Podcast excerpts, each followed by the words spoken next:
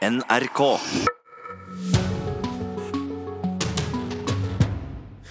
Og da har vi noe forsinket, må vi kunne si, kommet til Fredagspanelet. Og Fredagspanelet i dag utgjøres av Susanne Kalutza, direktør for Litteraturhuset. Velkommen. Tusen takk. Du tar med også at du sitter, eh, står på 58. plass for Arbeiderpartiet i Oslo. Ja, det er første gang jeg stiller til valg, så det er veldig stas. Håper Arne Berggren, ikke veldig politisk aktiv, men forfatter, musiker og masse annet rart. Eh, Velkommen til, til Fredagspanelet.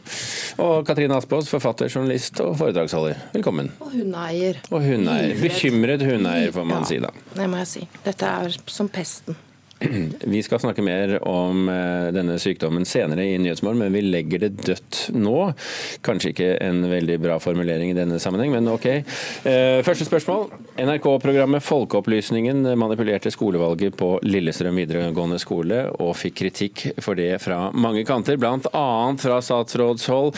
Manipulasjonen skjedde gjennom å lure elevene med falske nyheter, falske valgomater og falske brukerprofiler på sosiale medier. Jeg eh, legger merke til at jeg kommer nok til å være litt mer paranoid eh, nå når jeg leser ting på nettet. Jeg kommer til å tenke veldig mye på det som skjedde i dag, og alt som på en måte har påvirka meg de forrige eh, dagene og månedene på sosiale medier. Og må bare tenke mye mer på det. og Jeg vet ikke om det kommer til å være stressende, men jeg må nok bare gjøre det. Spørsmålet vårt er å lure elever med falske nyheter. Er det lurt? Ja. Nei. Jo. Ja. Arne Berggren. Ja, altså, det, er, det har vært et sånn spennende halvår nå i NRK hvor man prøver i alle redaksjonene å se hva, hva, hva, hva kan vi få til hvis det ikke er noen voksne der. Hva vi liksom lar barna ta over redaksjonen. Hadde den der jødesatiren. Det var den forrige liksom, med, sånn utrolig dumme ideer som får komme på, på lufta ute i eteren. Jeg syns vel dette er en sånn en. Den- Jeg, jeg er veldig vanskelig for å se altså Jeg skulle gjerne vært der i den brainstormingen som var den derre Hva, vi lager falske nyheter, eller? Og så liksom, det, fra derfra til at man faktisk gjør det, og, og kødder liksom med sånne ting som demokrati og opinionsdanning og sånne ting i disse tider. Jeg syns det er en hårreisende dårlig idé, og jeg, jeg er forundret over at den slipper gjennom. Men det er, det er jo gøy. Ytringsfrihetstårnet Litteraturhuset, Susanne Klutza. Jeg tenker at Jeg har litt mer nyansert syn på det. Jeg tenker at eh, Vi skal ta med oss at ledelsen ved skolen eh, mente at eh, dette var en god idé i forhold til elevenes eh, demokratiopplæring. At læreplanen sier at elever skal være med å påvirke det politiske systemet, gjøre greie for ulike utfordringer for demokratiet og lære seg å tenke kritisk. Og også at både eh, rektor og elever og lærere ved Lillestrøm videregående skole har uttalt seg positivt. Programmet har vi jo ikke sett, og det skal vises først om to måneder. Når det er sagt, så ser jeg selvsagt at det er store utfordringer knyttet til eh, å spre fake news. Eh, og særlig eh, så har de liksom understreket NRK da, at det var viktig at ikke det skulle påvirke utfallet av et reelt demokratisk valg. Men så er en tredjedel av elevene på skolen er stemmeberettiget. Eh, og selv om de avsluttet det i god tid for selve valgdagen, så er det mange som forhåndsstemmer. Så det kan hende at det har vært lovbrudd involvert her. Med all respekt for rektor og Ja. Lillestrøm. Ja, altså. Ja, så jeg tenker at det var, en, det, var, det, var, det, var en, det var en spennende idé. Det kan hende at de har liksom bomma litt på, eh, i avsatsen eh, der, landa litt eh, skeivt. Men jeg syns at det er liksom en viktig tematikk å sette på dagsordenen, da. Katrine, du sa jo, men det er jo også folk som har et bilde i hodet her av et brennende bål som forsøkes å slukkes med bensin. Å. At, at det er fake, det var et bilde som bare Ops! fake news i, rundt omkring i verden, og så bare bruker vi fake news som metode. Eh, ja. Det er et fint bilde, men det er, jo også, det er jo også sånn at dette trenger vi jo å få ordentlig fram i. Det er et fenomen som er så eh, Altså som er så viktig å forstå og få inn i kroppen. Og nå får vi faktisk dette fenomenet inn i kroppen vår. Vi ser det, vi diskuterer det over hele landet. Uh, og det, metoden er, den er tvilsom, den kan diskuteres. Men jeg husker altså sånne uh, elevøvelser, da, kalte vi det på 70-tallet.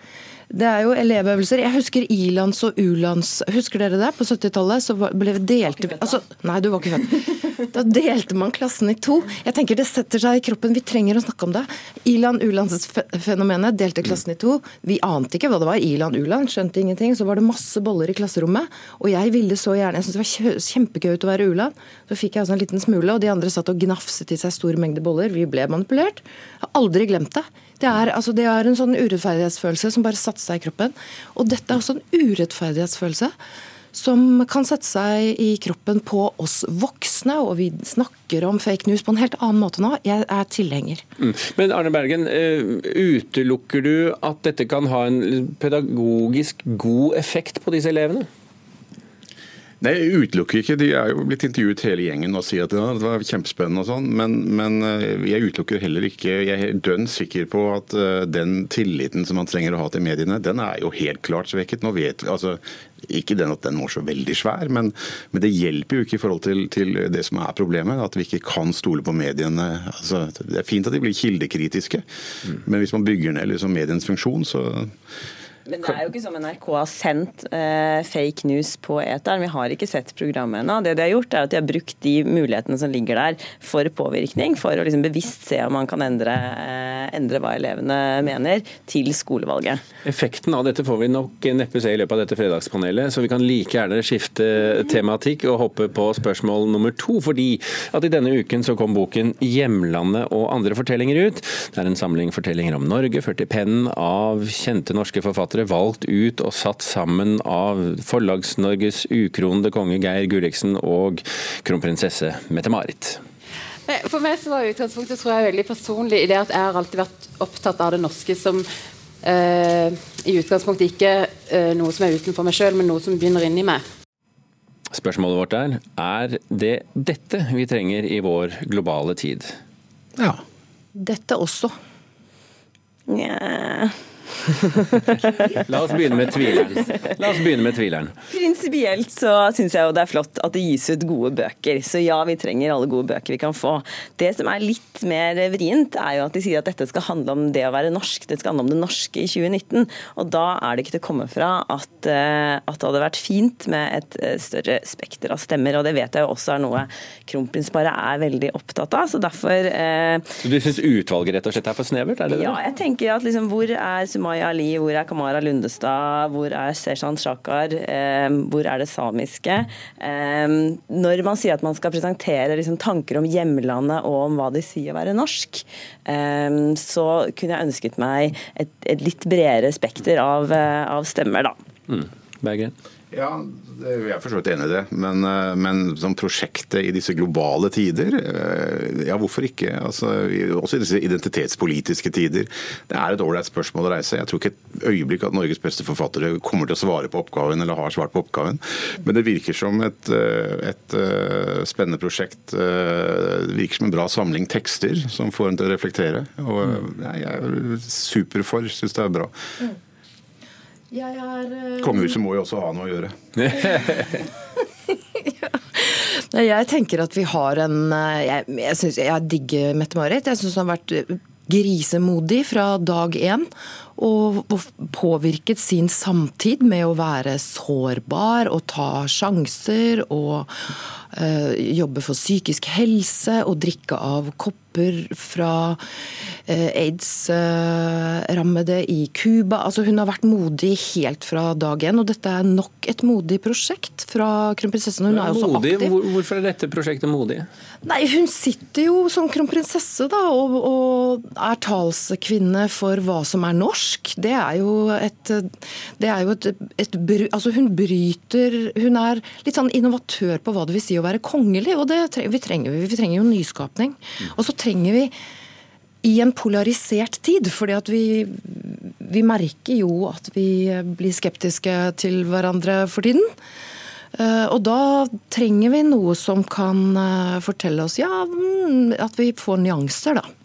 Jeg syns det er utrolig flott med en kronprinsesse som brenner for litteratur, sånn som hun, eh, sånn som hun gjør. Eh, Sa direktøren for litteratur. Eh, ja, men dette er noe som skal tas med til bokmessa i Frankfurt, hvor Norge er vertsland, for å vise verden hvem vi er. Og da tenker jeg at, at, at det hviler et ekstra ansvar da, på Gulliksen som redaktør, på Aschehoug som forlag, å klare å løfte opp enda litt bredere utvalg av stemmer. Og Også skeive folk, f.eks. Hva sier reklamemannen om et sånt reklame? Reklamestunt? Ja, jeg har jobbet med reklame i 94. Eh, Jeg syns det er et super eh, Takk for at du drar det opp. Så du hadde glemt det nå. Men, jo, nei, men det er stolt av, stolt av det. Nei, ja, Det er fantastisk stunt. Det er det det er. da. Altså, jeg syns det er et bra, superspennende prosjekt. Også, jeg, jeg tenker at Alle i kongehuset må jo ikke bli kunstnere og forfattere og billedkunstnere. og sånn. Vi kan holde igjen litt et, i neste år, f.eks. Noen av dem. Men la oss snakke litt mer om kunst, i hvert fall i filmens verden. For vi hopper her til spørsmål nummer tre. Samtlige av årets fem meste sette filmer på kino er nemlig laget av Disney eller selskaper som Disney eier. Ekspertene mener underholdningsgiganten har fått for mye makt, og snart har til og med Toy Story 4 premiere.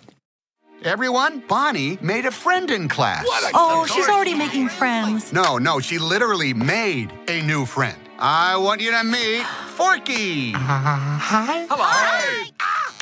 Toy Story 4 har jo fått kjempegode kritikker eh, verden over, så spørsmålet er gjør det noe at Disney dominerer så lenge filmene er av god kvalitet? Hvorfor spurte du meg først? Fordi jeg er slem. Ja. Eh, nei. Nei. Ja. Ja. Hvem er det som nå ikke har begynt? Jeg tror, eh, Katrine, jeg tror, eh, hvorfor var du i tvil? Nei, jeg, jeg eh, Det er så åpenbart at svaret er ja. At jeg hadde lyst til å finne argumenter for nei. Jeg ble litt sånn Men jeg Så fant du ingen? Jo, nei, jo da. Jeg, det er lov. Det, er, det, det kalles medietrening.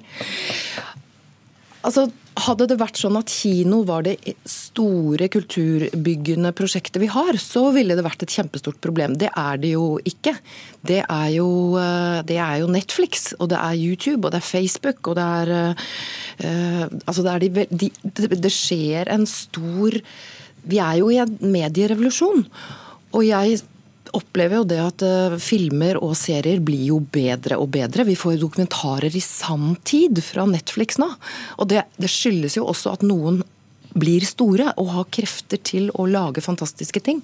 Og vi er jo liksom midt i den endringen nå. Så nei, jeg tror ikke det at Disney er store på kino er noe kjempestort problem. Jeg syns jo at alle sakene vi har snakket om i dag, handler til en viss grad om ensretting og homogen kultur.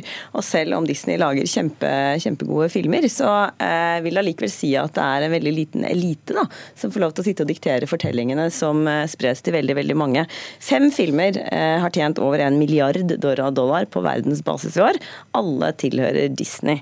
Eh, det tenker jeg at er eh, er krevende. eh, I det at vi trenger eh, altså Hvis de bestemmer seg for da, f.eks. Eh, at, at de ikke har lyst til å vise frem eh, skeive familier eh, eller eh, en, viss, en viss type fortellinger, eh, så har de all makt til å gjøre det. Det får diktere ekstremt mye av kulturlivet vårt.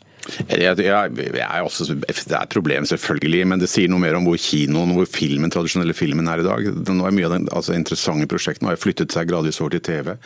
Jeg tror det er, et, øh, det, det, det er enda farligere, på en måte, for å fyre opp dette, da, så er det jo enda farligere når Apple f.eks. kjøper Disney. Det er jo ikke, altså, de er gode venner. Så, så monopolgreiene er en stor utfordring. Men jeg tror for norsk film f.eks. så tror jeg at øh, man, man slår tilbake. Det kommer øh, reaksjon. Jeg tror på markedet. Jeg tror folk vil ha spennende film òg, så jeg tror denne sommeren har vært ganske spesiell.